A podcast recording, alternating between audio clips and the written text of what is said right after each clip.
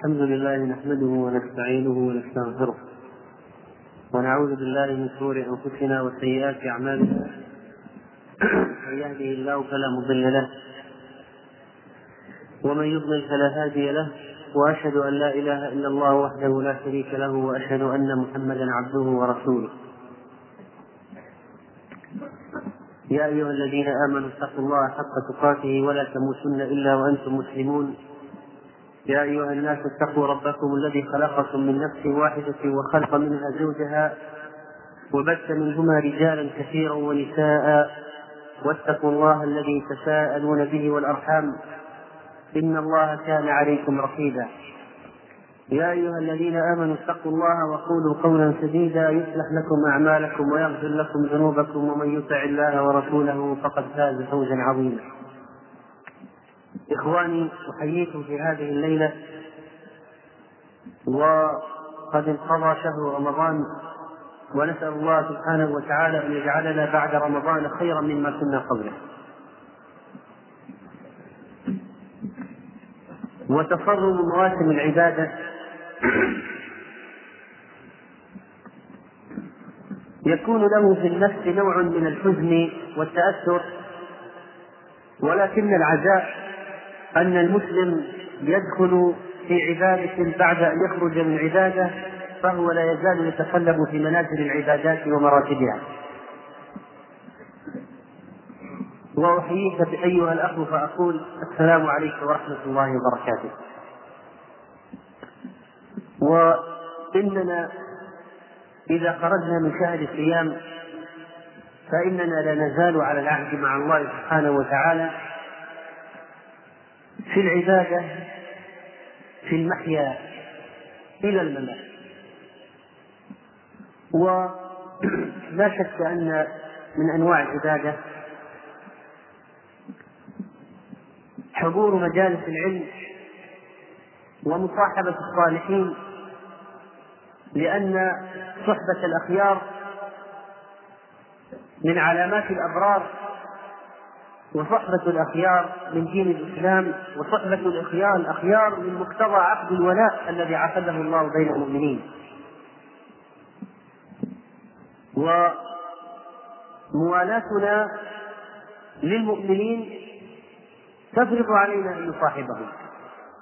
فمصاحبة الأخيار إذن من المواضيع العقدية مواضيع العقيدة قبل أن تكون موضع موضوعا موضوعا من مواضع الآداب. أو الأخلاق والسلوك. لا تجد قوما يؤمنون بالله واليوم الآخر يوادون من حاد الله ورسوله. فموادتنا إذا لأهل الإيمان من صميم هذا الدين. وينبغي أن يتذكر المسلم يوم يعض الظالم على يديه. فيقول يا ليتني اتخذت مع الرسول سبيلا يا ويلتى ليتني لم أتخذ فلانا خليلا. وعند التقائك للإخوان والمصاحبة للأصدقاء تذكر يوم يكون الأخلاء بعضهم لبعض عدو إلا المتقين. وإذا أردت أن تلازم اشخاصا فتدبر حديثه صلى الله عليه وسلم لا تصحب إلا مؤمنا ولقد عظمت منزلة الصديق عند أهل النار. قال الله تعالى عنهم فما لنا من شافعين ولا صديق حميم. فأهل جهنم يتمنون صديقا. يكون لهم فيه نوع من العزاء. وهم يتعذبون في النار. فافتقدوا فيما افتقدوا افتقدوا الصديق أعجز الناس من فرط في طلب الإخوان وأعجز منه من ضيع من ظفر بهم.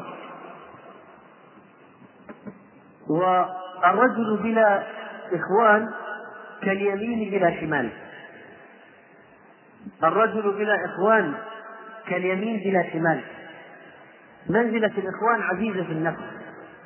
موقع الإخوان كبير. قال أيوب السختياني رحمه الله إذا بلغني موت أخ لي فكأنما سقط عضو مني. فكأنما سقط عضو منه ولأن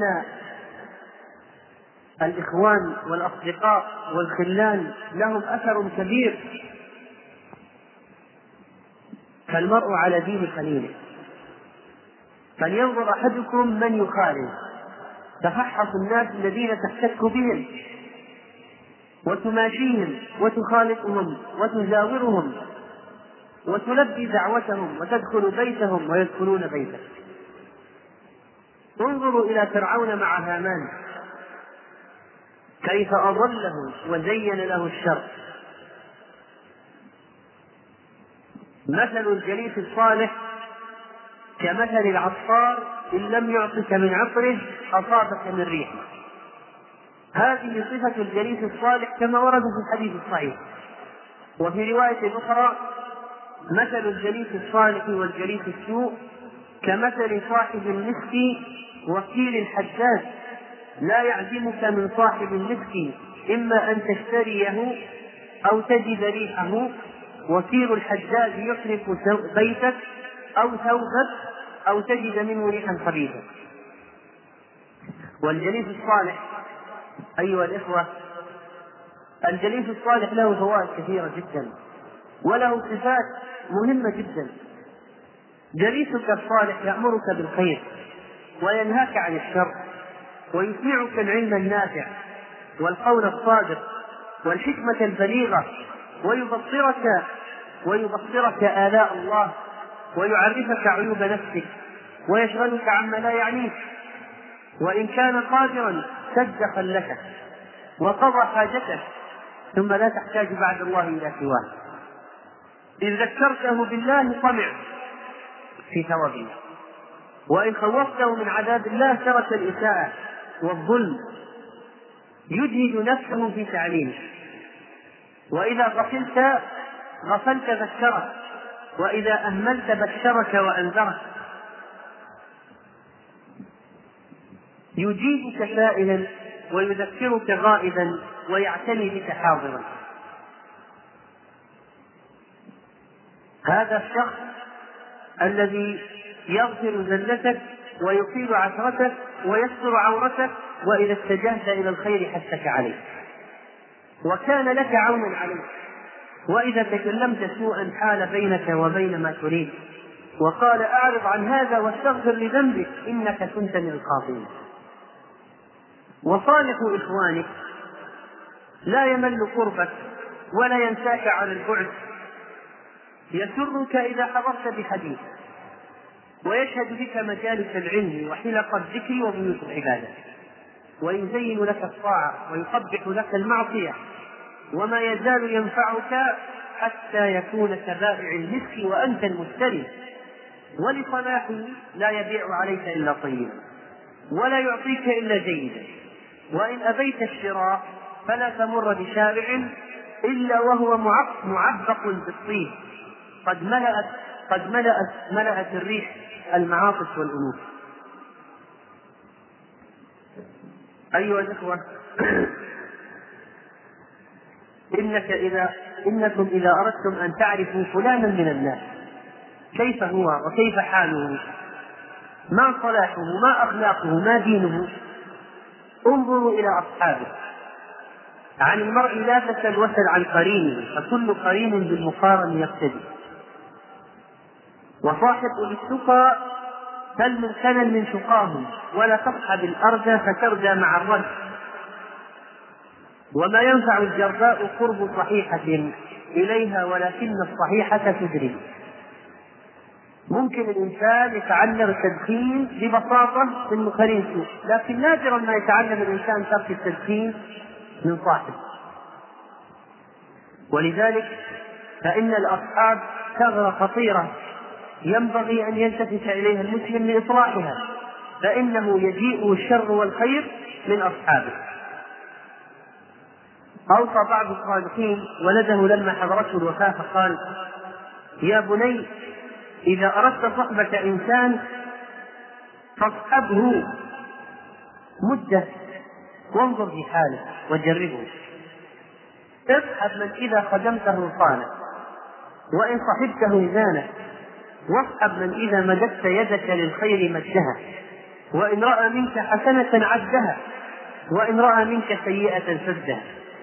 قال الشافعي رحمه الله لولا القيام بالأسحار وصحبة الأخيار ما اخترت البقاء في هذه الدار.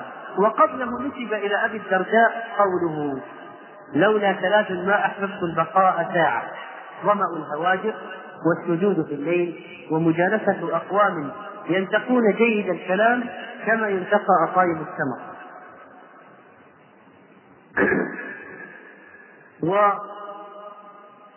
والأخيار الأبرار الأذكياء إذا وجدوا في مجتمع جذبوا أشباههم أو انجذبوا إليهم وسرى تيار المحبة بينهم لأن الإسلام يؤلف بين قلوب أتباعه ويربط الإخوان بعضهم ببعض فهؤلاء المتشاكلون هؤلاء المتشابهون هؤلاء الذين هم على منهج واحد وعلى دين واحد لا شك أن أنهم يجتمع بعضهم إلى بعض. لو أن مؤمنا دخل إلى مجلس فيه مئة منافق ومؤمن واحد لجاء حتى يجلس ولو أن منافق دخل إلى مجلس فيه مئة مؤمن ومنافق واحد لجلس إليه. وإن أجناس الناس كأجناس الطير ولا يتفق نوعان من الطير في الطيران إلا وبينهما منافق.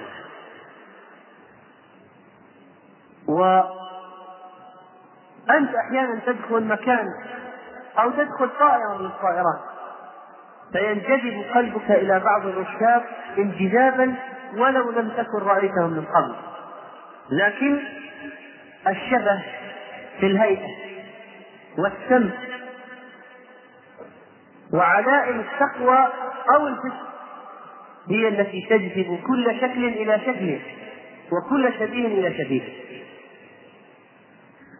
فأنت أيها المسلم إذا أردت أن تعرف ما موقعك في مرضاة الله فانظر إلى الناس إلى أصناف الناس إلى أي نوع أنت تميل وإلى أي صنف أنت ترغب وتشتهي الجلوس والمخالطة فإذا نفر قلبك من أهل الدين فأنت مريض فداوي نفسك. حتى تجد نفسك تميل إلى أهل الخير. إذا صرت تميل إلى أهل الخير فأنت بخير. وإذا رأيت نفسك تميل إلى أهل الشر والفجور والخلاعة فاتهم نفسك واستدرك عمرك قبل فوات الأوان. إذا رأيت نفسك تميل إلى الأخيار وتحب مجالستهم فإنك صاحب خير. وإذا رأيت نفسك تميل للذهاب مع المجرمين وأنت من أهل الخير ففيك شعبة من شعب النفاق. إذا رأيت نفسك أحيانا تميل إلى مجالسة أهل الشر والمجرمين والمنافقين والفسقة وأنت من أهل الخير في الظاهر ففيك شعبة من شعب النفاق. اتهم نفسك وعالجه. ولا شك أن أهل السوء لهم صفات كثيرة. كما بين صلى الله عليه وسلم كما جاء في القرآن وصفهم قبل ذلك. لا خير في صحبة من إذا حدثك كذب وإذا ائتمنك خان وإذا وإذا ائتمنت إذا ائتمنته خان وإذا ائتمنك اتهمك وإذا أنعمت عليه كفرك وإذا أنعم عليك من عليك. وينبغي اختيار الناس واختبارهم قبل المؤاخاة. في ثلاثة أشياء مهمة. عند هواه إذا هوى. وعند غضبه إذا غضب.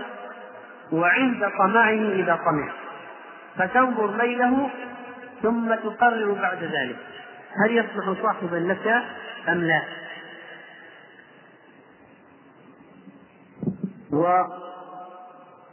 وقليل السوء لا ينبغي الاستهانة بأثره.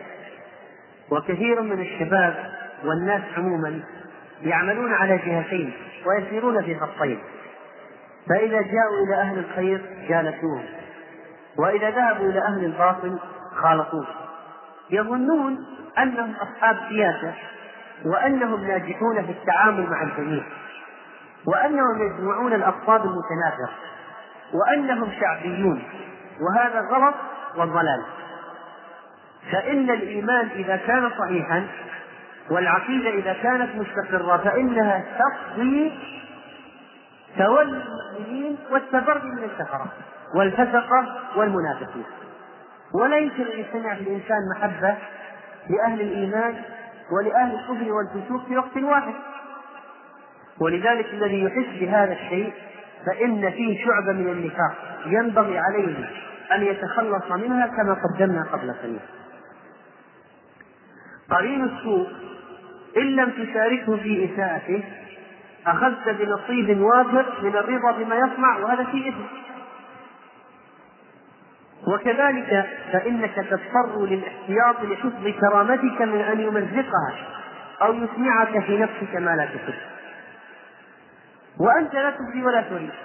وإن رضيت بصنيع فهو كنافس الكير على الفحم الخبيث وأنت جليسه القريب فإنه يؤذي ثيابك وبدنك ويملأ أنفك بالروائح الكريهة ومن سكت على معصية فهو شريك فيها والساكت عن الحق شيطان آخر. ولذلك فإن الذين يجلسون مع الطائفتين ويخالطون الفريقين هؤلاء ينبغي عليهم أن يتأملوا قول الله عز وجل. واصبر نفسك مع الذين يدعون ربهم بالغداة والعشي يريدون وجهه. ولا تعد عيناك عنهم تريد زينة الحياة الدنيا. ولا تطع من أغفلنا قلبه عن ذكرنا واتبع هواه وكان أمره فرطا كما يحتاج أن يتأملوا قول الله عز وجل وإذا رأيت الذين يخوضون في آياتنا فأعرض عنهم حتى يخوضوا في حديث غيره. وإما ينسينك الشيطان فلا تقعد بعد الذكرى مع القوم الظالمين. تذكر كلما جلست مجلس في أهل كفر دون مصلحة شرعية. لا لنصيحة ولا لدعوة ولا لتمشي في حاجة المسلمين وإنما تجلس معهم جلوس استئناس وانبساط. كلما جلست مجلس مع فساق أو ناس من المجرمين أو فيهم نفاق تذكر قول الله عز وجل وإما ينسينك الشيطان بعد الذكرى وإما ينسينك الشيطان فلا تقعد بعد الذكرى مع القوم الظالمين. فينبغي عليك أن تشارك المجلس فورا وإما ينسينك الشيطان فلا تقعد بعد الذكرى مع القوم الظالمين. وإن الازدواجية الموجودة عند بعض الناس الآن في هذا الزمان للمماشاة مثل أهل الشر ولأهل الخير في وقت واحد هذا خلق جميل. ولا بد أن يتصارع تتصارع الرغبتان في النفس حتى تغلب إحداهما الأخرى. ولن يستطيع أن يواصل على منوال واحد. ولن يستطيع أن يواصل على منوال واحد. وقد قالوا الصاحب ساحب. الصاحب ساحب. يسحب إلى الخير أو إلى الشر. والناس مجبولون على التشبه. يتشبه بعضهم ببعض. هذه قضية نفسية. كما قال شيخ الإسلام تيمية رحمه الله الناس كأسراب القطر مجبولون على تشبه بعضهم ببعض. الناس كأسراب القطر مجبولون على تشبه بعضهم ببعض. فلا تصحب أخا الجهل وإياك وإياه. يقاس المرء المرء بالمرء إذا ما هو إذا هو ما شاء. قياس النعل بالنعل إذا ما هو حازاه وللشيء على الشيء مقاييس وأشباه.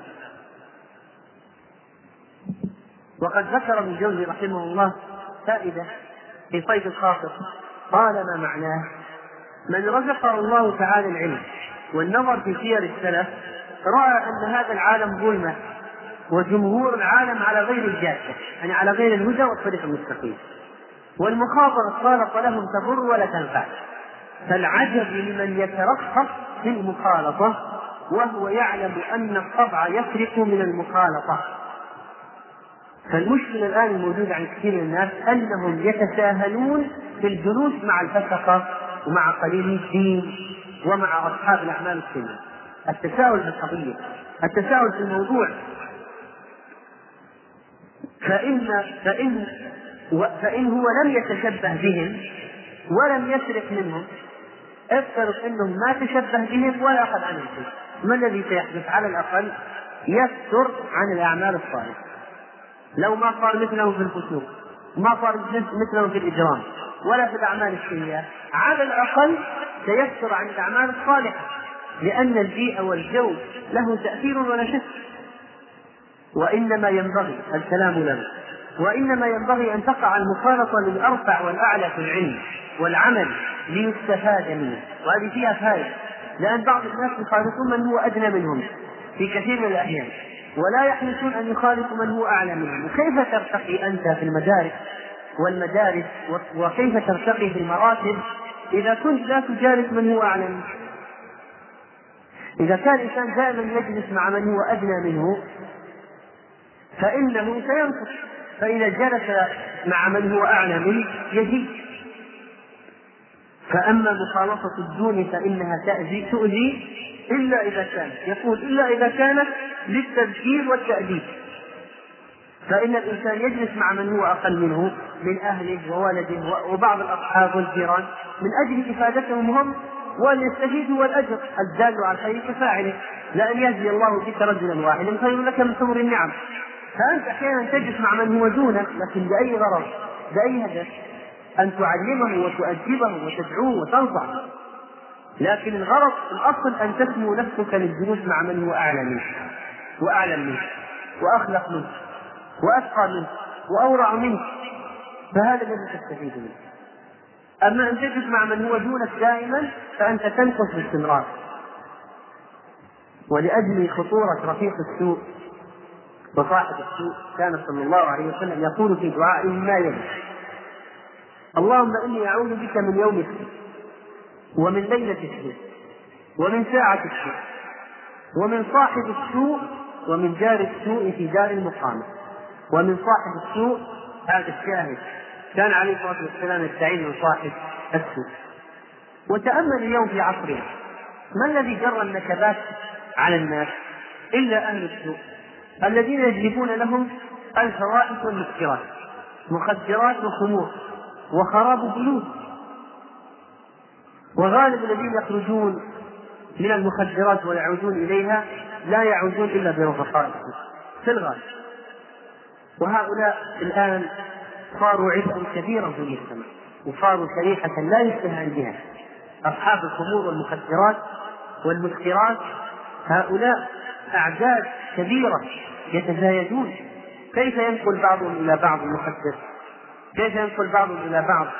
هذه المسكرات إلا بالمخالطة والمقارنة لهؤلاء.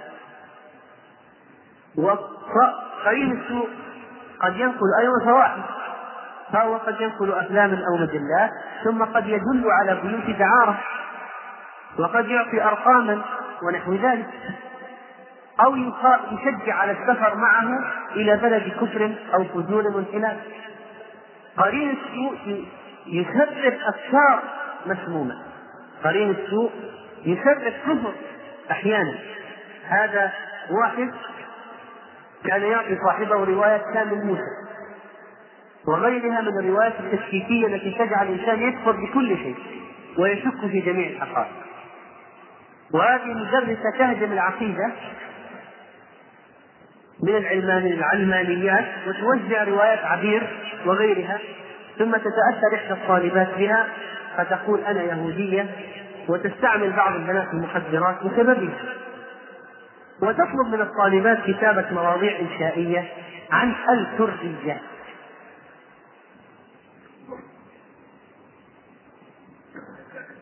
أيها الإخوة عودة إلى موضوعنا مصاحبة الصالحين.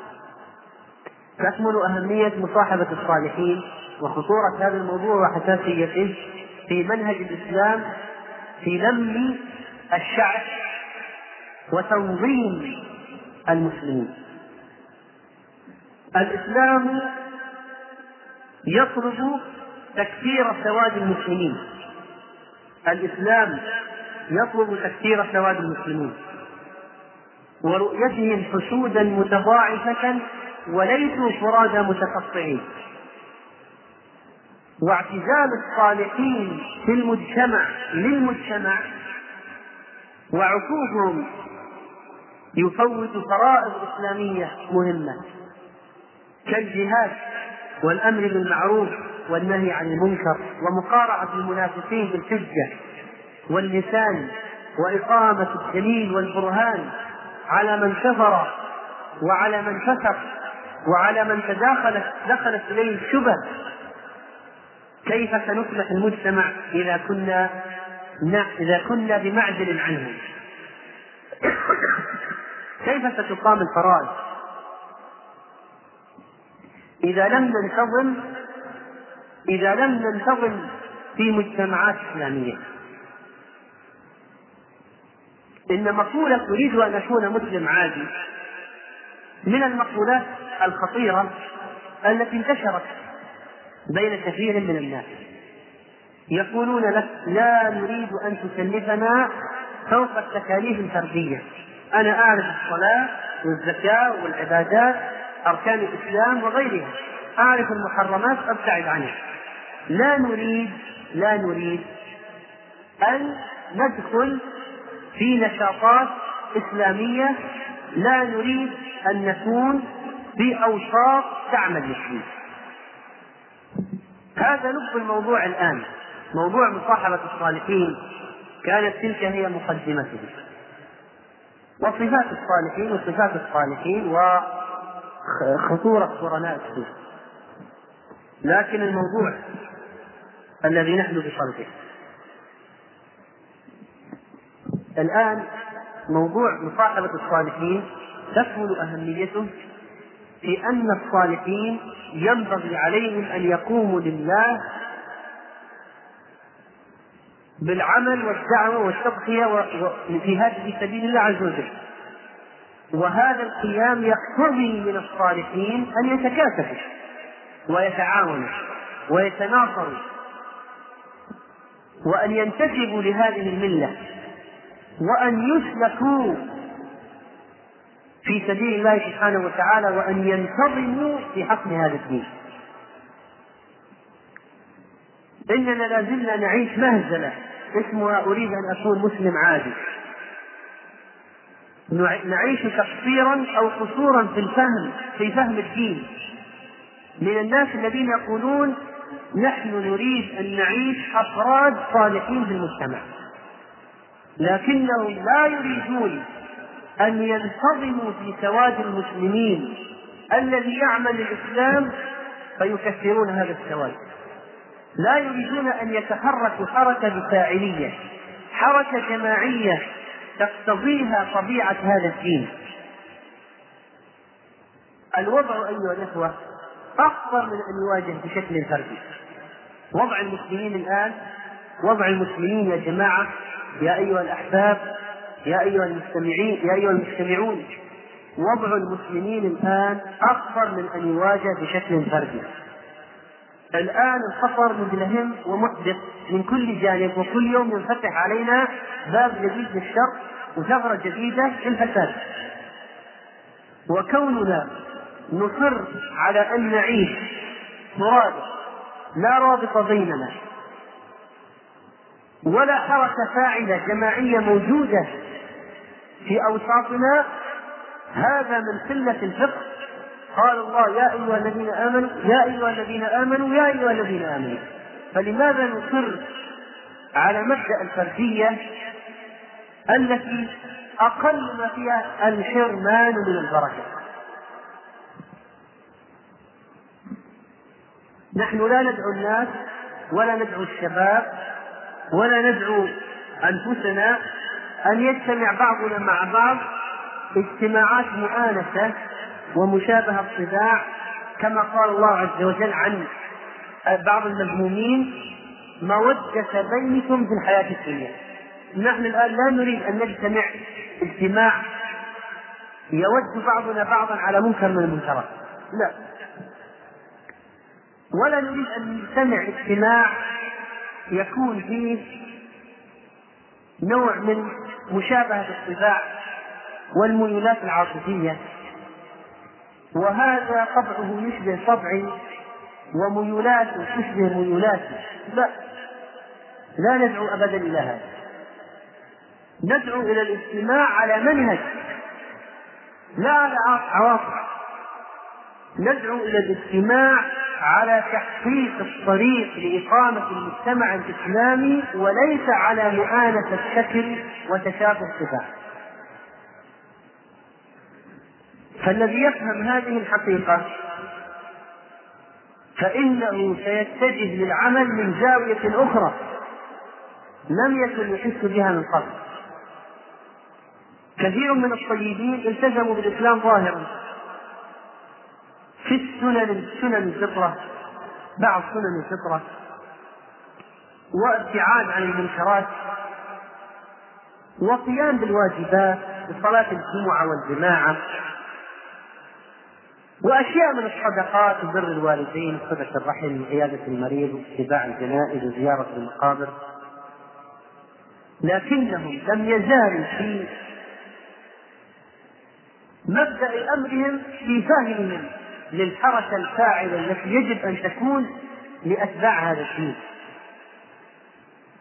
عملية تضافر الجهود واتفاق المجهودات المختلفة في بناء واحد لبنة بعضها فوق بعض متماسكة تتحرك بحركة منتظمة لنصرة الدين. هذا المعنى لا يزال مفقودا. ومغبسا عليه كثيرا في في عقول كثير. الاجتماع على طاعة الله وليس الاجتماع على مؤانسة. الاجتماع على المنهج وليس الاجتماع لضياع أوقات. وتلاقي أمزجة متى تتحول الاجتماعات من اجتماعات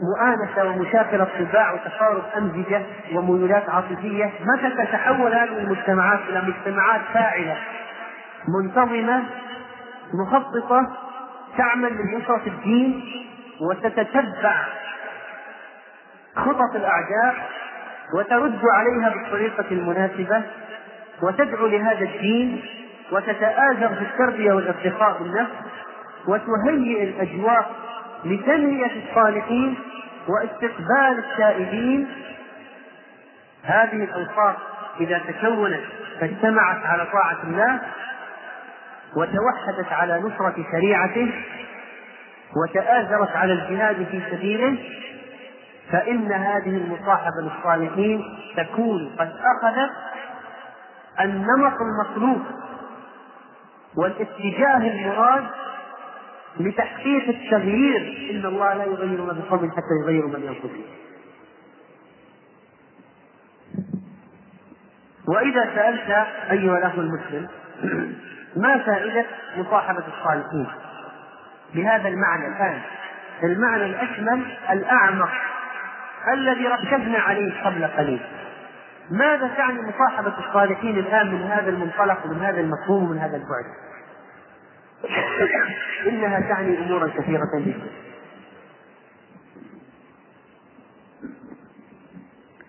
وأسرد لك أكثر من عشرين فائدة فيما يلي في ميزات ونتائج مصاحبة الصالحين. أولا تعلم العلم الشرعي. الإنسان بلا شيخ يضل. وبلا موجه في طلب العلم يزل. ومن الصعب أن نوجه الناس إلى الكتب ونقول اقرأوا بأنفسكم وتعلموا كل بمفرده. فإذا لم يكن لك شيخ أو طالب علم يوجهك على الأقل إذا لم يوجد علماء تصاحبهم فلا بد أن يكون للشيطان عليك مدخل في الطلب. هذا إذا تحمست للطلب أصلا. فمصاحبة الصالحين تورد التحمس لطلب العلم. كشف الجهل وإيجاد المنهج والسير عليه. ورأي الجماعة في الفهم أقرب إلى الصواب من رأي واحد. والمساعدة على تعلم العلم الشرعي بوجود الحلق وهل الحلق إلا مجموعة من الصالحين تتعلم معهم. وجود الحلق العلمية التي تفتح لك السبيل لتعلم دين الله. وللتفقه في شريعة رب العالمين وللتبصر في سنة سيد المرسلين.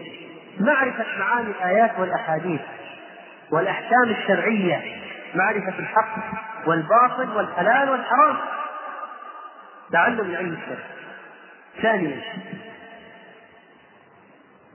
الحماس للطاعات. الحماس للطاعات. أنت لوحدك تستر. وليس عندك من الدوافع ما يدفعك إلى المسارعة في العمل في أعمال الطاعات إلا الأشياء الذاتية والأشياء الذاتية معرضة للبرود والفتور. ومن اوجه الحماية من البرود والفتور في مسائل الطاعات أن يكون الإنسان محاطا بجو من الصالحين. يخالطهم ويصاحبهم. فإذا رأى قيام الصائمين تحمس وإذا رأى قيام القائمين اندفع وإذا رأى تلاوة التالين للذكر الحكيم أقبل على كتاب الله ليقوم بحقه ثالثا التعاون في الدعوة إلى الله سبحانه وتعالى. فإنه من المعلوم أن الدعوة إلى الله تحتاج إلى مجهودات جماعية. وهذا العصر الذي نعيش فيه من تشابك وسائل الفساد والمنكر وتضافر جهود المفسدين بالأرض لتخريب أجيال المسلمين لا شك أنها تحتاج إلى جهود جماعية مقابلة لها. وأما بعثرة الجهود الفردية فإنها لا تؤتي الثمار المطلوبة. كيف تتعلم فن الدعوة إلا في أوصاف الصالحين؟ إلا بمصاحبة الدعاة الصالحين. ثم تنطلق داعية تعاون الرئاسة في الدعوة. رابعا الحماية من الانحراف. لولا الصالحين لهمت في الأسواق. ترمي أرقاما وتلتقط أرقاما في معاكسات ومغازلات أليس ذلك صحيحا؟ لولا الصالحين لعكفت على الأفلام تستقبل فيلما جديدا وترجع فيلما قديما. وتتبادل وتستأجر وتشتري. من الناس والمحلات.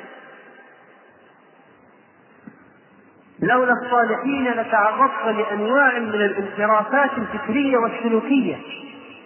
وكنت منطلقا في الشهوات بغير حدود ومنغمسا في أوحال المعاصي والرذائل. وتائها في محيط الانحرافات الفكرية.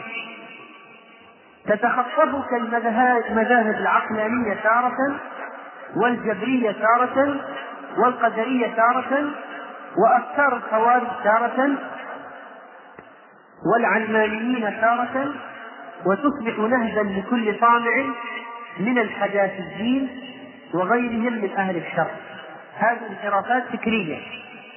فجو الصالحين يوفر لك الحماية من الانحرافات الفكرية. هناك كثير من الناس عندهم انحرافات فكرية خطيرة. فكرية يعني عقدية. انعكست على أفكارهم بسبب افتقادهم لأجواء الصالحين. لا يعيشون بأجواء الصالحين. ناس يعيشون تحت مطارق الجبر يتبعون مذهب الجبرية ويعتقدون به. وهم في هذا القرن.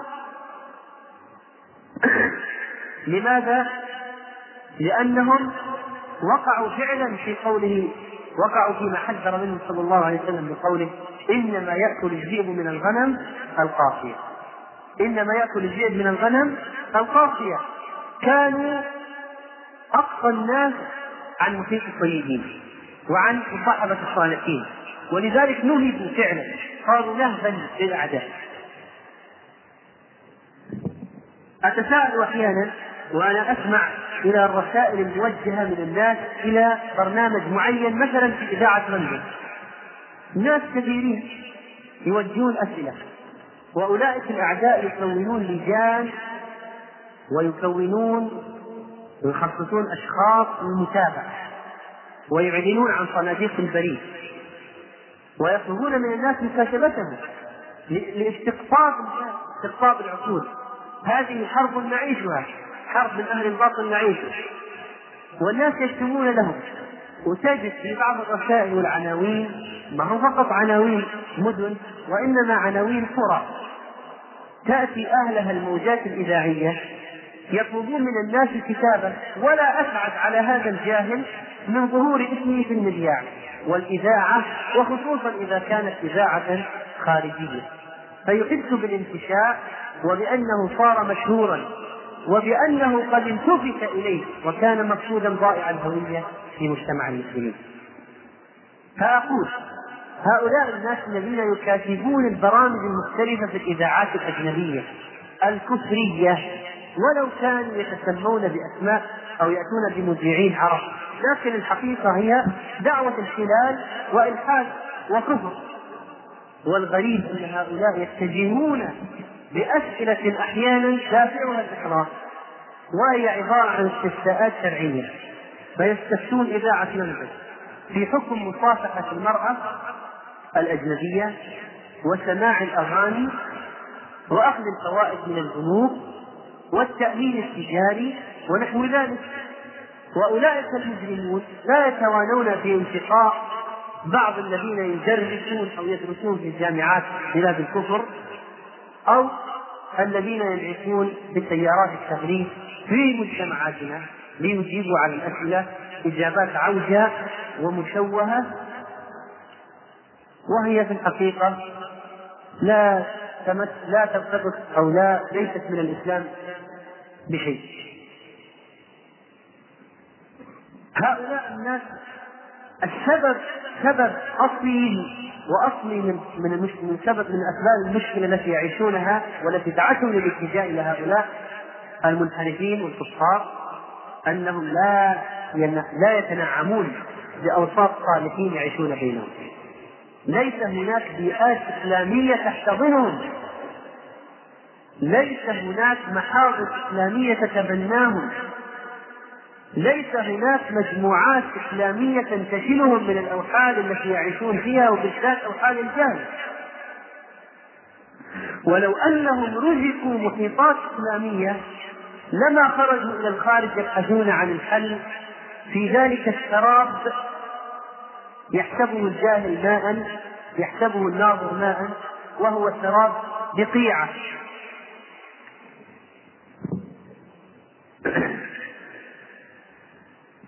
أليس من المسؤولية الملقاة على عاتقنا أن يتخطط أبناء الإسلام؟ و يجتنبون إلى تلك الدوائر المشبوهة ولا تكون هناك دوائر إسلامية تحتضنهم وتساعدهم وتجيب على أسئلتهم فالخلاصة أن مصاحبة الصالحين هي وسيلة مهمة جدا للحماية من أنواع الانحراف الفكري والسلوكي. خامسا مصاحبة الصالحين وسيلة لاكتساب الأخلاق الحميدة. وأحيانا تكون هذه الأخلاق لا يمكن اكتسابها إلا في الأوساط أوساط الصالحين أوساط الجماعية التي يعيش فيها الصالحون. خذ مثلا الإيثار والتضحية. كيف تتعلم الإيثار وتتعلم التضحية إذا عشت لوحدك؟ وقل مثل ذلك في المصابرة. سادسا تنمية المهارات. إننا إذا نظرنا إلى المحيطات التي يعيش فيها الصالحون لوجدت هناك نماء في المهارات الكتابية والخطابية والبحث ومنهج البحث. ووجدت حتى في قضية التعامل والتعارف وخدمة الآخرين. هذه مهارات مكتسبة. تكتسب من أين؟ تكتسب من العيش في محيط الصالحين. تكتسب من مصاحبة الصالحين. سابعا تكامل الشخصية الإسلامية. الشخصية الإسلامية فيها جانب فكري. جانب عقدي جانب أخلاقي جانب سلوكي تعاملي جانب إيماني جانب علمي جانب عاطفي. فيها جوانب كثيرة. كيف توجه هذه الجوانب؟ كيف تكمل هذه الشخصية؟ بعض الناس يعيشون ضمورا في شخصياتهم. بعض الناس عندهم طاقات ومواهب لا يعرفونها من أنفسهم. لا يمكن أن يكتشفوها إلا إذا إلا إذا عاشوا في اوساط الطيبين والصالحين. طبعا يمكن يقال أن يقول إن الذي يعيش في اوساط أهل الشر تنمو طاقاته وهذا صحيح. كثير من أهل الشر كثير من المفسدين احتضنوا من أهل الشر احتضنوهم درسوهم أنفقوا عليهم ابتعثوهم ودرسوهم على حسابهم ولكن انتقوا لهم معاهد الجامعات انتقوا لهم أوساط انتقوا لهم أساتذة أيضا وحولوهم على أناس معينين. فجاءت النتائج شجرة خبيثة. ونمت لهم طاقات ولكن مدارها على الإكرام وإضلال الخلق. ولذلك نحن إذا أقمنا أوساط الصالحين واعتنينا بها فانتسب الناس إليها انتساب تربية وليس انتساب تحزب وتعصب. طبعا هذا مفهوم من الكلام. فإننا ليس فقط ليس فقط ننمي طاقات الطيبين وإنما نحمي طاقات طاقات الناس أن تتجه وتتشكل سهام في ظهور المسلمين. ثامنا العون على الدنيا. تكاليف الدنيا في هذا العصر شاقه حتى قضايا قضايا الماديات وقضايا أين تزور زوجتك؟ أين تذهب إلى أين تذهب؟ الزوجة لابد لها من بيوت تزورها ويزورونها نساء. لابد لها من وسط أولادك من يخالطون التعاون حتى في الدلالة على البضائع والأشياء الرخيصة والجيدة والبحث. لو أردت تبحث حتى عن زوجة. تبحث عن زوجة. والزوجة من متاع الدنيا. الدنيا متاع وخير متاع وصلنا البحث عن زوجة. لو عندك صالحين لو أن عندك أناس صالحون لتيسرت لك الأمور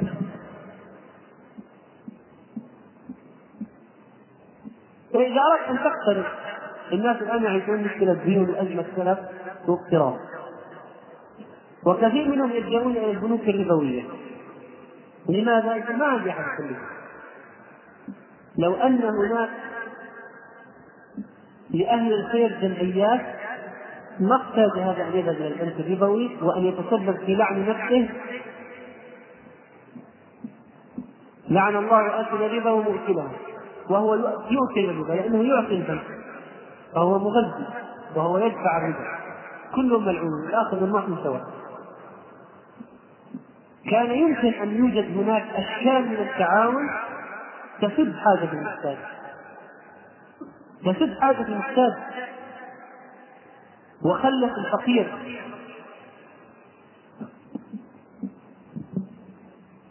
الشفاعة الحسنة. الشفاعة الحسنة في وظيفة. في أي شيء. تحتاج به شفاعة حسنة. معرفة وواسطة خير واسطة خير كثيرا من الأحيان تتوفر عبر وجود الإنسان في وسط أهل الصلاة. لأن الناس الآخرين إما يريد مال مقابلها أو يريد منفعة ما يخدمها في وجه الله. أول شيء يحسبها ما مصلحتي من التوسط لفلان أول شيء. ما مصلحتي أما صاحب الخير معروفة مصلحته مصلحته معروفة من استطاع أن ينفع أخاه بشيء فلينفع. معروف المصلحة. عند الله رب العالمين. فهو يرجو من الله. حتى الاستعارة حتى استعارة الأواني واستعارة الأشياء عندما يوجد هناك مجتمعات الطيبين والخيرين أشياء كثيرة من أمور الزواج تتيسر. الاستعارة قائمة وموجودة. استعارة حتى كتب العلم. استعارة الأشياء عموما تاسع النصرة في الحق والحماية والمؤازرة والدفاع. أنت إذا أردت أن تنكر المنكر تتعرض لأذى أهل الباطل. والناس الآن إذا وجدوا في شريعة غار القول يأكل الضعيف. لو لم يكن لك ظهر أو مؤازر أو أناس يقفون معك تبتلع وتؤكل وتذهب كشربة ماء. ووجود الإنسان في وسط الطيبين يحميه.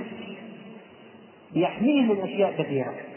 موسى عليه السلام بسبب وجود إنسان إنسان فيه خير قال يا موسى إن الملأ يأتمرون بك ليقتلوك فاخرج وذلك الذي قالوا له قال له قومه ولولا رهطك لرجلناك ولولا رهطك لرجلناك إذا وجود الإنسان في بيئة خير في وسط قوم صالحين يقويه ويغذيه ويسنده ويؤازره. هذه وسيلة حماية ودفاع. ونحن الآن نعيش في هذا الجو في هذه الدنيا والمسلم الآمر الناهي عرضة للأذى وإذا لم يوجد له نصراء مساندين من الناس يؤكل عاشرا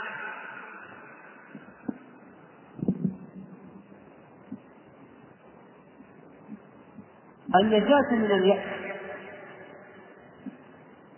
إن الواقع الذي يشهد ضعفا للمسلمين. وهيمنة للكفار؟ ويوما بعد يوم تسمع نوعا جديدا من التخلف من قبل أعداء الله. نوع جديد من التخلف يبعث يأسا في النفوس ويقول الإنسان في نفسه متى ينتصر الإسلام؟ إنهم يهيمنون شيئا فشيئا ويقوون أنفسهم شيئا فشيئا ويسيطرون علينا شيئا فشيئا ويأكلوننا ويقطعوننا شيئا فشيئا متى ننتصر؟ هذا اليأس ينبغي أن لا يدخل ويتسلل إلى النفس فما هي الطريقة؟ أنت لوحدك إذا قرأت الأرقام التي تصرفها الكنيسة لوحدك تصاب بنوع من اليأس والإحباط تقول ما عندنا عنصر معشار هذه الأشياء وأنت لو قرأت أخبار هيمنة الكفار أو أنواع العتاد العسكري الذي يملكونه تصاب أيضا بنوع من اليأس لكن الإنسان عندما يكون محاطا بأهل خير يوعونه ويقولون له لا يغرنك تقلب الذين كفروا في البلاد. متاع قليل ثم مأواهم جهنم وبئس ما ماذا يحصل له؟ الذين يقولون له كم من فئة قليلة غلبت فئة كثيرة بإذن الله والله مع الصابرين. الذين يوعونه بأن الذين كفروا ينفقون أموالهم في سبيل الله فسينفقونها ثم تكون عليهم حسرة ثم يغلبون نعم. يصدوا عن سبيل الله فسينفقونها ثم تكون عليهم حسرة ثم يغلبون الحادي عشر الرأي السديد وسهولة الاستشارة. إنك إذا كنت مصاحبا للصالحين فإنك ستحتاج وليس هناك أحد لا يحتاج إلى رأي سديد استشارة خالصة سديدة صحيح في زواج في بيع في شراء. في أشياء كثيرة في وظيفة في انتقال من مكان إلى مكان في انتقاء جامعة كلية معهد مدرسة. في شراء كتاب في أي شيء. يحتاج إلى رأي. من الذي يدله؟ وأين يجد الرأي؟ من الذي يشير عليه؟ أين يجد الاستشارة الصادقة؟ العالم المادي الآن يأخذون أجرة على الاستشارة. هذا مكتب استشاري. يستشيرونه بفلوس يعطيهم الرأي بنقود وأنت تجدها مجانا من أهل السوق أنت تجدها في المجان بلا ثمن بلا مقابل. رأي خفيف وسديد أو مجموعة آراء. تعطيك تغذية في المجال الذي تريد فيه المشروع. والثاني عشر ارتفاع المعنويات. المرء قليل بنفسه كثير بإخوانه. أنت لوحدك إذا أردت أن تجابه من أصعب الأمور. لكن إذا كان معك إخوانك ارتفعت همتك وزادت معنوياتك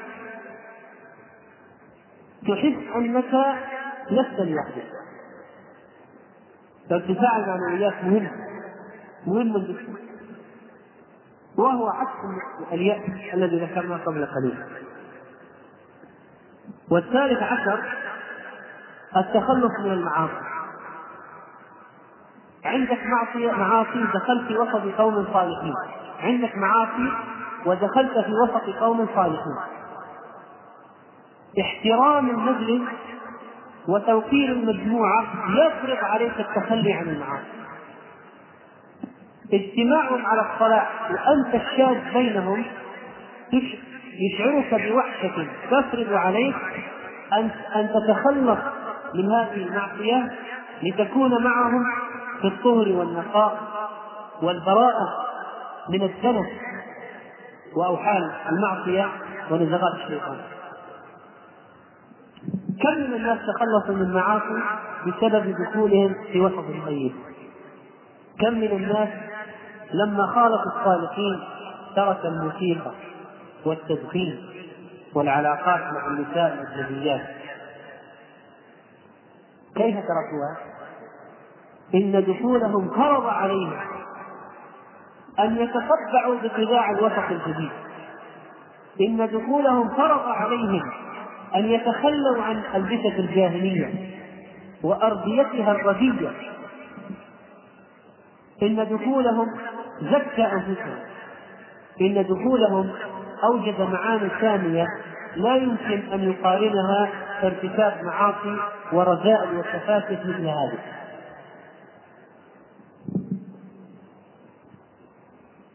الرابع عشر التخلص من العادات السيئة.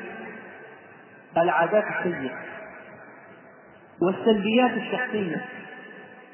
في ناس عندهم خوف تردد تهور جزع إلى آخره هذه العادات كيف يتم التخلص منها؟ بمخالطة أقوام إذا خفت شجعوك وإذا تهورت سكنوك وإذا ترددت ثبتوك وجرؤوك. وإذا جزعت صبروك هؤلاء الأشخاص هؤلاء الصالحون هم المرآة التي ترى بها نفسك. والمؤمن مرآة أخيه. المؤمن مرآة فأنت ترى عيوبك بواسطتهم. وتغير بناء على تشديدهم وتوجيههم الخامس عشر البركة. قال رسول الله صلى الله عليه وسلم البركة في ثلاث الجماعة والسرير والسحور البركة التي تتضمن معنى النماء والزيادة والمضاعفة والتكثير واختصار الوقت وعمل مهمات كثيرة في وقت قصير هذه كلها تدخل في البركة. البركة مع الجماعة إذا مع الوسط الطيب الصالح. مصاحبة الصالحين بركة. بركة في العمر بركة في الوقت بركة في المال بركة في الجهد. تعطيك أشياء لا حدود لها. البركة في ثلاث الجماعة. والسريد والشحوذ الجماعة. يد الله مع الجماعة. لو كنت في مكان ما في إلا قلة من الصالحين فكنت معهم. هؤلاء جماعة. أنت تحصل يوميا على أنواع من البركة. بمخالفة كلامك السادس عشر تحصيل الأجر بالمصاحبة أنت إذا أطعت رسول الله لما قال لك لا تصحب إلا مؤمنا ألست تؤجر؟ ألست تؤجر على هذه المصاحبة؟ أليس فيها حسنات؟ أي نفع أعظم من هذا؟ إذا مصاحبة الصالحين تشتمل على كل هذه الفوائد. السابع عشر حفظ الوقت والعمر من الإنذار إذا حصلت الصحبة. إذا ما صارت الصحبة عبارة عن مؤانسة طبع وميول عاطفية وتشاكل أو تجمع على مشاكلة في الأهواء والأنجزة إذا حسنت الصحبة ففيها حماية من إهدار الوقت والعمر لأن جهودك تتركز لأن الجهود تتركز وتنصب في المجرى الصحيح ولا تضيع منك هدرا هناك من ينصح هناك من يعلم هناك من يرشد ويسدد ويوجه. هناك من يقول لك أنت الآن تهدر وقتك. كف عن هذا من يدلك على طريقة تختصر بها. التاسع عشر أو الثامن عشر ذكر الله سبحانه وتعالى. أولياء الله تعالى الذين إذا رؤوا ذكر الله لو ما في الصالحين إلا أنك إذا رأيتهم ذكرت الله يكفي. كان القعنبي رحمه الله إذا دخل إذا مر بمجلس فرآه فرأوه قالوا لا إله إلا الله. أولياء الله الذين إذا إذا إذا رؤوا ذكر الله عز وجل كما قال صلى الله عليه وسلم. أولياء الله الذين إذا رؤوا ذكر الله عز وجل بعض السلف تغنم هذه الخاصية إذا خرج على ناس مما يرى في وجهه من تلألؤ النور والإيمان والبشاشة والضياء في وجهه من آثار الحسنات قيل لا إله إلا الله. إذا رؤوا مجرد الرؤية تذكرك بالله مجرد الرؤية. تذكرك بالله. التاسع عشر. هؤلاء الإخوان زينة في الرخاء وعدة في البلاء وهم خير معين على تخفيف الهموم والهموم. ولا سيما إذا ألمت بك الخطوب وضاقت بك الذنوب وأعيتك المسالك خرج ابن مسعود مرة على أصحابه فقال أنتم جلاء أحزاني وقال أكثر لقاء الأحبة لقاء الأحبة مسلات الهم. مسلات للهم. إذا وقعت في في نكبة في مصيبة خفف الأحزان. خفف الأحزان إذا مات لك قريب أو حبيب وجدت من يعزيك ليس عزاء تجاري وإنما عزاء حقيقي التاسع عشر أو العشرون بركة المجالس والخير الذي يعم. وإن كنت غير ما بالغ مبلغه في العلم ألم يقل الله سبحانه وتعالى للملائكة لما قالوا له فيهم فلان ليس منهم؟ قال هم المرء هم القوم لا يشقى بهم جليسهم. غفر له قال رسول الله صلى الله عليه وسلم ما جلس قوم يذكرون الله إلا ناداهم مناد من السماء. قوموا مغفورا لكم. ما جلس قوم يذكرون الله إلا ناداهم مناد من السماء. قوموا مغفورا لكم. ما يقومون من مجالسهم إلا مغفورا إذا حسنت النية وعظم الأخلاق وانتقيت المجالس وابتغي بها وجه الله. ما يقام ما يقومونها إلا المغفورين فأي فائدة أعظم وأجل؟ الحادي والعشرين جلساء الخير. مصاحبتك للصالحين تعرفك بصالحين آخرين. فتنتفع بهم وتتوسع دائرة معارفك وتجد مجالات أكثر من الانتقاء والأخذ والاستفادة. كم من شخص تعرف على واحد من الصالحين فبطريقه تعرف على أكواد وبواسطته دل على أناس كثيرين من أهل الثاني والعشرون التواضع الذي يصيبك لرؤية علمهم وصلاحهم والسعي للتشبه بهم في دينهم وتقواهم ثم التنافس معهم في الصالحات. التنافس هذا الجو الجماعي يشعر التنافس. يزكي يزكي روح التسابق في الخيرات والمسارعة في المبرة وعمل الخير.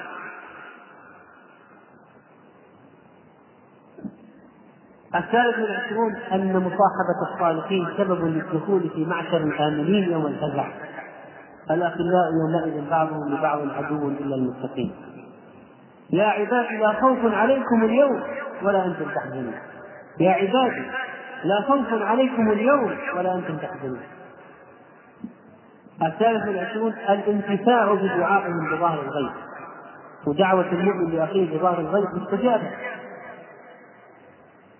والرابع والعشرون سبب محبة الله لك. إذا صاحبت الصالحين ألم يقل رسوله صلى الله عليه وسلم. في حديثه القدسي وجبت محبتي للمتحابين في والمتجالسين في والمتزاورين في والمتبادلين في فهؤلاء المتحابين المتجالسين المتزاورين المتبادلين يحبهم الله سبحانه وتعالى. ثم إنهم أخيرا سبب للنجاة يوم القيامة. قال صلى الله عليه وسلم المرء مع من أحب. الرجل يحب القوم لما يلحق بهم ما عمل ما عمل مثلهم ليس على مستواهم في الأعمال الصالحة. عبادته أقل علمه أقل حماسه للخير أقل. لكن لكن المرء مع من أحب. الأعرابي سأل الرسول صلى الله عليه وسلم قال الرجل يحب القوم ولما يلحق يرى أبا بكر وعمر وعثمان وعلي وغيرهم سعد وأبا عبيدة يرى عظماء المسلمين وعلى رأسهم رسول الله صلى الله عليه وسلم. لكن الأعراب يعرف أنه دونهم في العبادة والتقوى والعلم والجهاد والبصيرة. فأراد أن يطمئن على مستقبله. إذا هو أكمل المشوار وسار إلى الطريق إلى نهاية الطريق. ما هي العقبة؟ قال له عليه الصلاة والسلام المرء مع من أحب. ما فرح الصحابة بشيء فرحهم بتلك البشرى.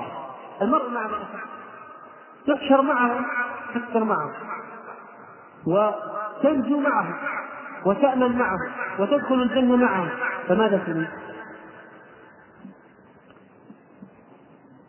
ثم أعلم رحمك الله تعالى أن هؤلاء الصالحين لهم حقوق وليس المجال الآن لذكر حقوقهم فهذه قضية أخرى وتحتاج إلى محاضرة أخرى. لكن أنت تخالف بالمعروف. وتزور. تزور.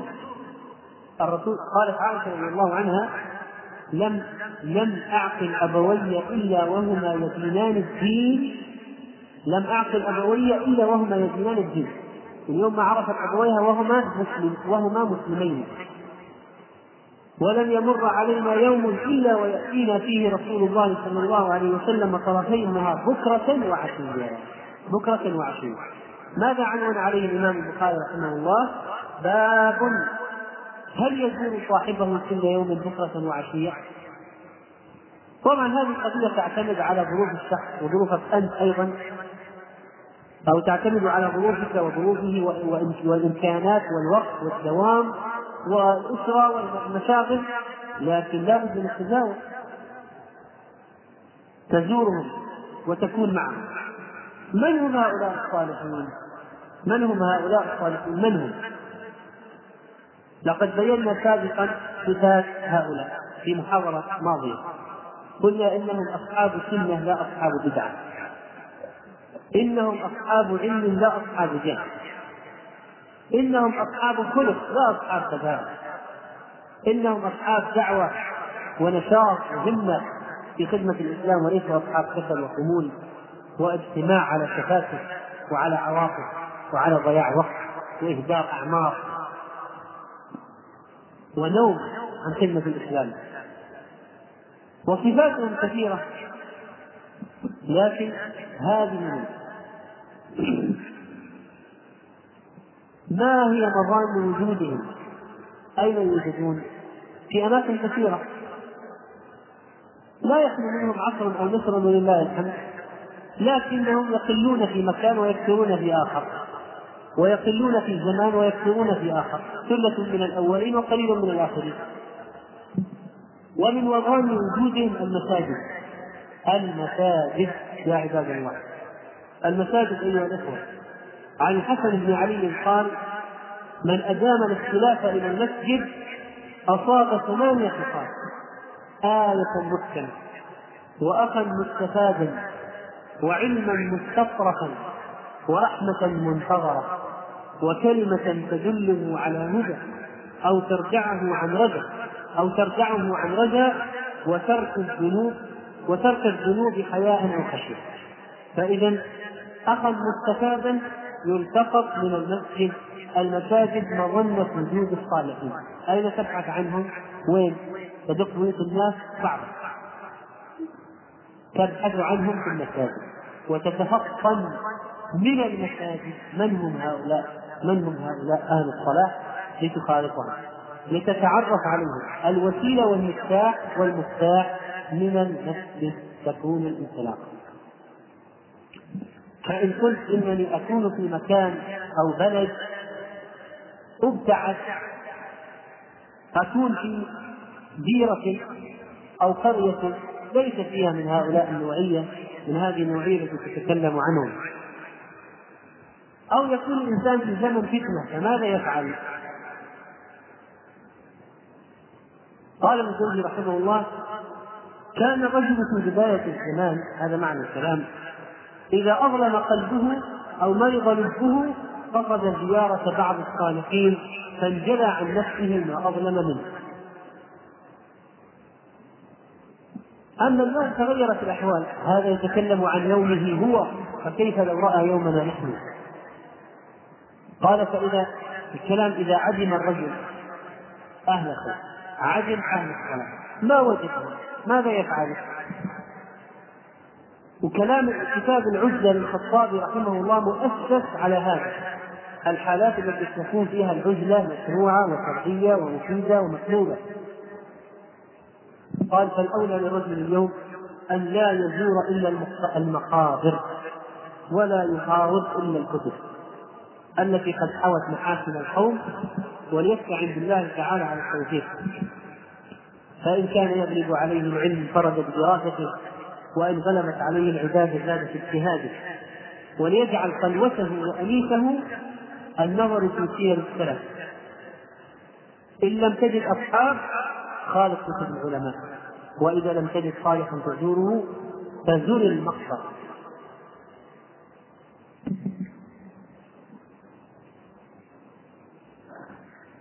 وختاما فنقول لولا الصالحون كما نبه هذا الأخ لولا الصالحون لعشنا بشخص وصارت عيشتنا منغصة وصار وضعنا في غاية الضنك والشدة. فإذا وجود الصالحين نعمة من الله. فكيف نشكر النعمة إلا بملازمتهم؟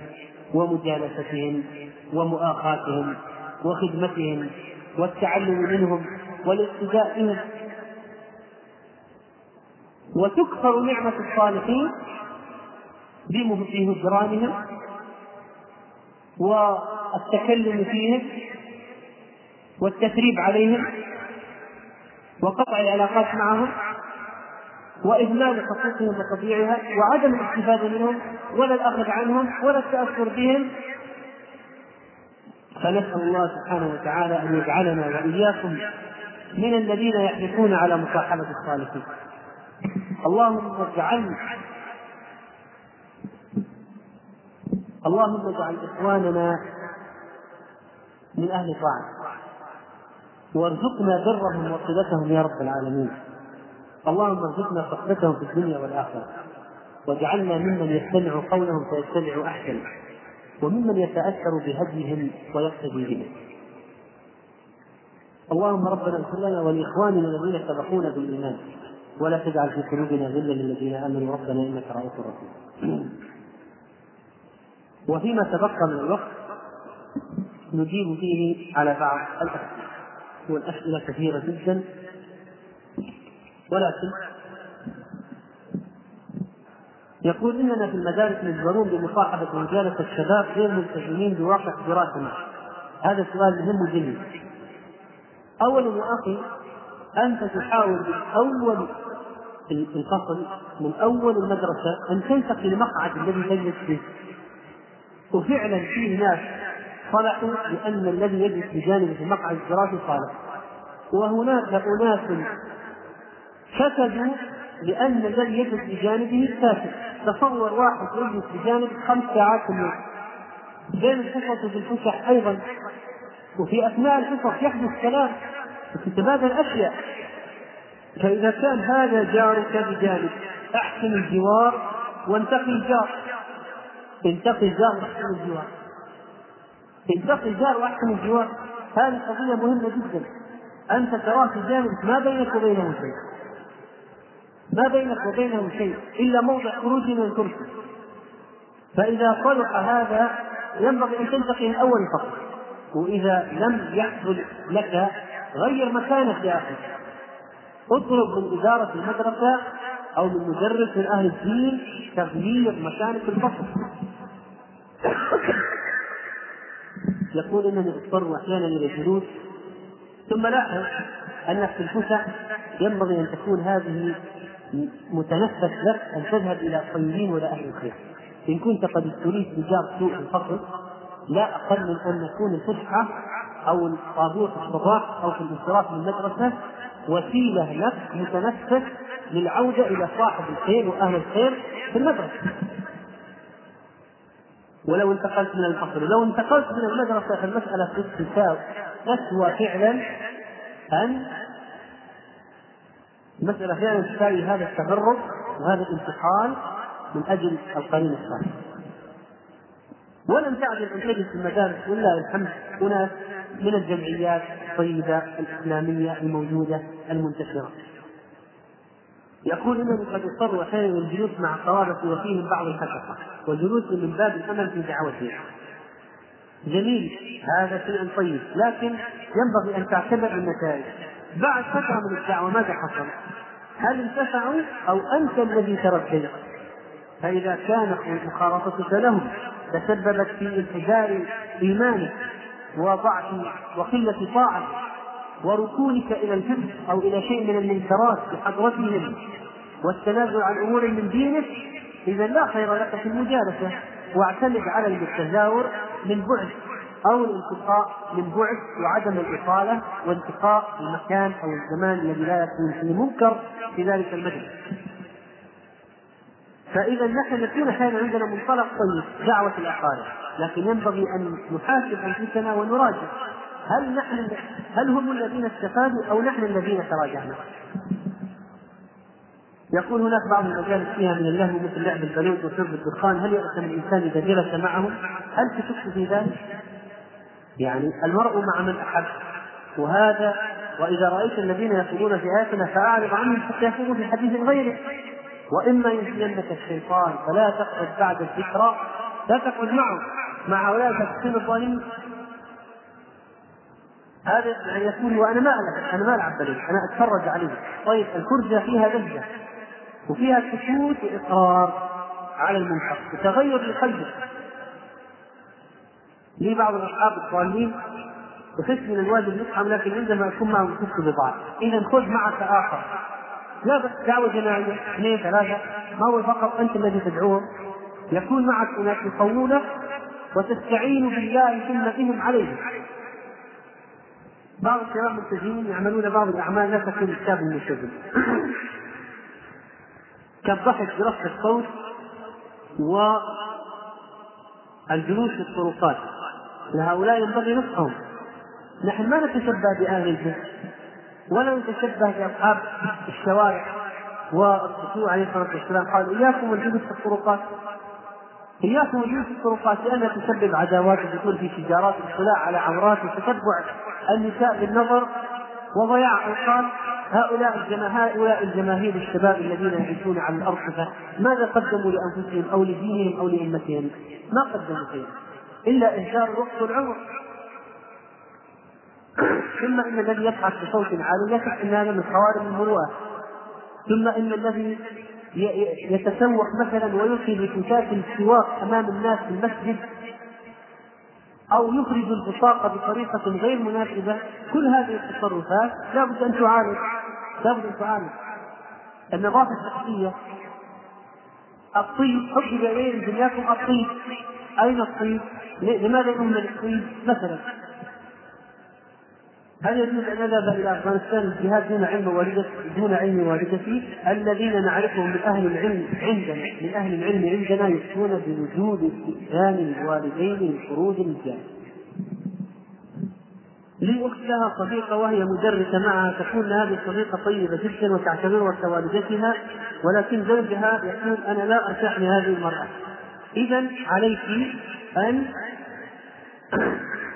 على هذه الاخت أن تطيع زوجه الزوج له الحق.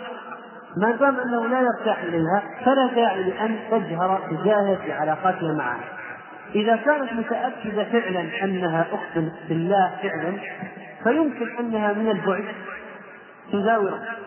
كان بين اثنان من كان بين اثنين من السلف. يمكن هو عبد الرحمن بن مهدي و عبد الرحمن بن مهدي و شخص آخر من المحدثين كان كانوا لا يلتقي كانوا لا يلتقيان إلا في السنة مرة لبعد لكن لكن كان بينهما علاقة حميمة جدا. لا ينسى أحدهما الآخر بالدعاء ولا الثناء ولا إرسال الطلاب إليه. والاستفادة منه من البعد. هناك أناس حالت بينك وبينهم ظروف لكن العلاقة باقية والمودة باقية. والصلة باقية وموجودة من البعد لأن القلوب إذا اجتمعت لا يكون تفرق الأجساد والإنسان لا يملك الظروف فقد تفرقه عن أخ له بالله لكنه لا لا يصلح أن ينساه. وأنت تدعو له بظاهر الغيب وتجد أحيانا أنه يدعو لك في نفس اللحظة. كنت أشتري أشرطة في مسجد من مسجد يبيع الاشرطه بسعر رخيص والربح يعود للمسجد. هل على الاثم؟ طبعا لا يجوز بيع الاشرطه في المسجد ولو كان لغرض شرعي أو لغرض خيري. بيع وشراء في المسجد لا يجوز مهما كان الأمر. ما رأيك في من يؤاخذ شخصا ويجعل جل وقته معه ويتحمس لخدمته دون غيره ويكون أخلاقه حسنة؟ أنا أخشى أن تكون هذه العلاقة ليست من وجه الله. ما معنى أن يعكف على واحد معين ويترك الباقي؟ ما معناها؟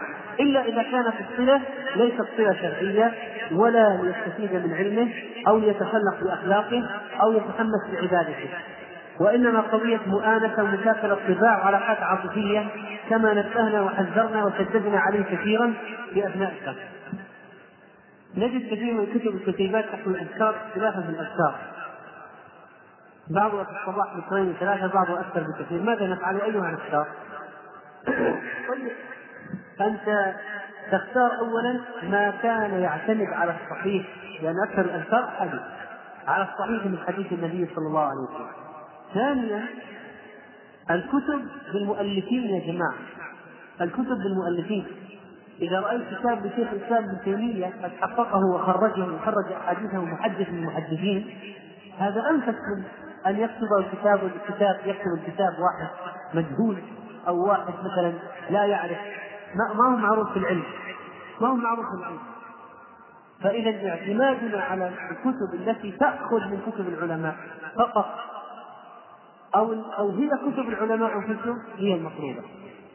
ومثل كتاب صحيح السلم الطيب لا شك أنه من أروع الكتب في هذا المجال. يقول لي صديق ملتزم يقول الأخوة تجعلني أحب أناس آخرين أكثر من الأبوين المحبة في محبة شرعية ومحبة طبيعية، فالمحبة الطبيعية هي محبة الوالد للولد ومحبة الزوج لزوجته، مثلا محبة الولد لوالده. هذه محبة طبيعية تقتضيها الطبع، يجب أن لا نخلطها من المحبة الشرعية.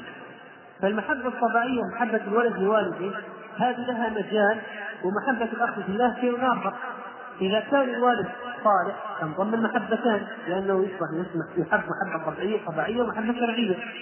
فإذا كان الشخص يحب اخا له في الله أكثر من أبيه لأن ذلك الأخ أصلح وأتقى هذا ما في حرج ولا بأس به. لأن هذا منطلقها منطلق محبة شرعية وتلك محبه طبيعيه يقول أنت تتكلم عن الفسق والكفرة هل أصدقاء سوء أم التلفاز؟ ما الذي يخرج فيه؟ هم هو الجهاز لا يفسد بنفسه وبالأضواء والأنوار والإزرار والتجهيز وإنما الذي يفسد الذين يخرجون فيه. فإذا لا شك أن هذه هذا وهذا بعضهم من بعض. ماذا عن مجالة الآن والإخوان إذا كانوا والدين ممن ينظر إلى التلفاز والمسلسلات والنساء المتبرجات تكون معهم إذا أخذ المجلس من المنكرات التي عليك الضرر فيها. وتفارقهم إذا كان المجلس قائم فيه موجودة فيه المنكرات القائمة. فيه هل هل لباس هل أنت أو هل أتت ما هذا السؤال غير مفهوم. طيب قضية المضيفات على وجه العموم. ينبغي غض البصر ينبغي على الشاب المسلم إذا ركب الطائرة غض البصر. خصوصا وأنهن يكشفن شيئا من الشعر والسيقان والوجه وغيرها ومن أعظم فتنة المرأة الفتنة في المرأة الوجه فإذا غض البصر شعار ما هو رياض الصالحين؟ كتاب مهم جدا من الكتب الإسلامية ألفه الإمام النووي رحمه الله لدي زملاء خارج العمل صالحين نذهب معهم ونجلس لكن الزملاء في العمل ليسوا صالحين، هل أجلس معهم؟ تجلس معهم بقصد الدعوة أو إنجاز عمل دون أن تتأثر نعم، أما أنك تتأثر بهم وتقترف شيئا من المنكرات وترضى عن الواقع شاركهم في ضحك في استهزاء بعباد الله أو شعيرا من شعائر الله هذا حرام لا يجوز. هل تكرمتم بإضافة أهمية الصحبة الصالحة على نطاق المجتمع النحوي؟ الجواب هذا سؤال مهم لأن النساء المرأة تتأثر من المرأة في أشياء كثيرة وكثيرا ما خببت امرأة امرأة على زوجها. كانت المرأة صالحة كانت المرأة مطيعة للزوج كانت المرأة سلسة في التعامل معه تلبي رغباته وتقوم بطلباته وتخدمه في بيته وترعى أطفاله وتغسل ثيابه وتصرف طعامه. فإذا بها تنقلب وتنتكس وتعرض بوجهها وتصرخ وترفض ولا وتكون عائق عائق أمامه وشوكة البيت ومنغص عليه في معيشته. وفيه أزواج انتكسوا وبقيت زوجاتهم صالحات وفيه زوجات انتكسنا وبقي أزواج صالحين ولذلك ينبغي الاعتناء بقضية الصحبة في المجتمع النسوي. الزوج المفروض أن ينتقي لزوجته الصاحبات الطيبات الصالحات لأن المرأة لا بد لها من نساء تزورهن وتتصل بهن. فإذا فتحت لها قنوات وعرفتها على نساء طيبات بفعل أصدقائك الطيبين واخذ مشورتهم ونصيحتهم وعملت لهم مناسبة في الأسبوع يلتقين فيها ويتدارسن فيها علما وأن رسول الله صلى الله عليه وسلم قد وعد النساء موعدا متكررا كان يأتيهن فيه لما قلنا له إن الرجال غلبونا غلبنا عليك الرجال فاجعل فاجعل لنا يوما من نفسك. فهذه سنة. ينبغي إحياؤها تطبيقها. تعليم النساء وانتقاء مجالس النساء. تجد فيها نساء معينة. ما تجي أي لا تدخل أي واحدة دون إذن الأزواج لأنها قد تدخل وتكون يكون فيها ضرر تكون نمامة من نوع الإغتاب جاءت لتفسد رجل أفطر في شهر رمضان عدة أيام دون عذر فماذا عليه؟ التوبة إلى الله وقضاء هذه الأمور. أما حديث لا يقضي صيام الدار وإقامة فليس به.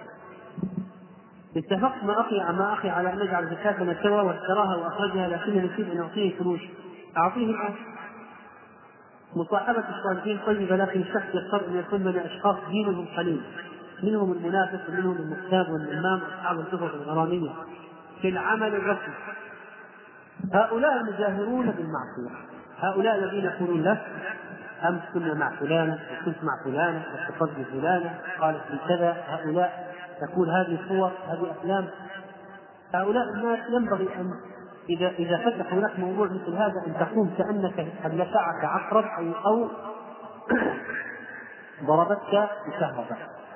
لأنك إذا لم تفارقهم على هذه الحال ففي النهاية ستسير معهم ولذلك احذروا من احذروا من العصاة في المجمعات والشركات وأماكن الوظائف. طيب أنا أرى الآن نتوقف الأسئلة طويلة والحقيقة أننا يعني أنني مسرور بالجلوس والإجابة فيما أستطيع الإجابة عليه لكن نرجو الإخوان أن يعذرونا على عدم اكمال الإجابة حتى نحصل مصلحة أخرى أو ندرا مفسده أخرى. بالأصح في عدم السهر أكثر من هذا الوقت. ونسأل الله سبحانه وتعالى أن يجعلنا وإياكم من المتحابين فيه المتزاورين فيه والمتبادلين فيه والمتصاحبين فيه. أقول قولي هذا وأستغفر الله لي ولكم. وأرجو من إخواني التسديد والدعاء. صلى الله وسلم على نبينا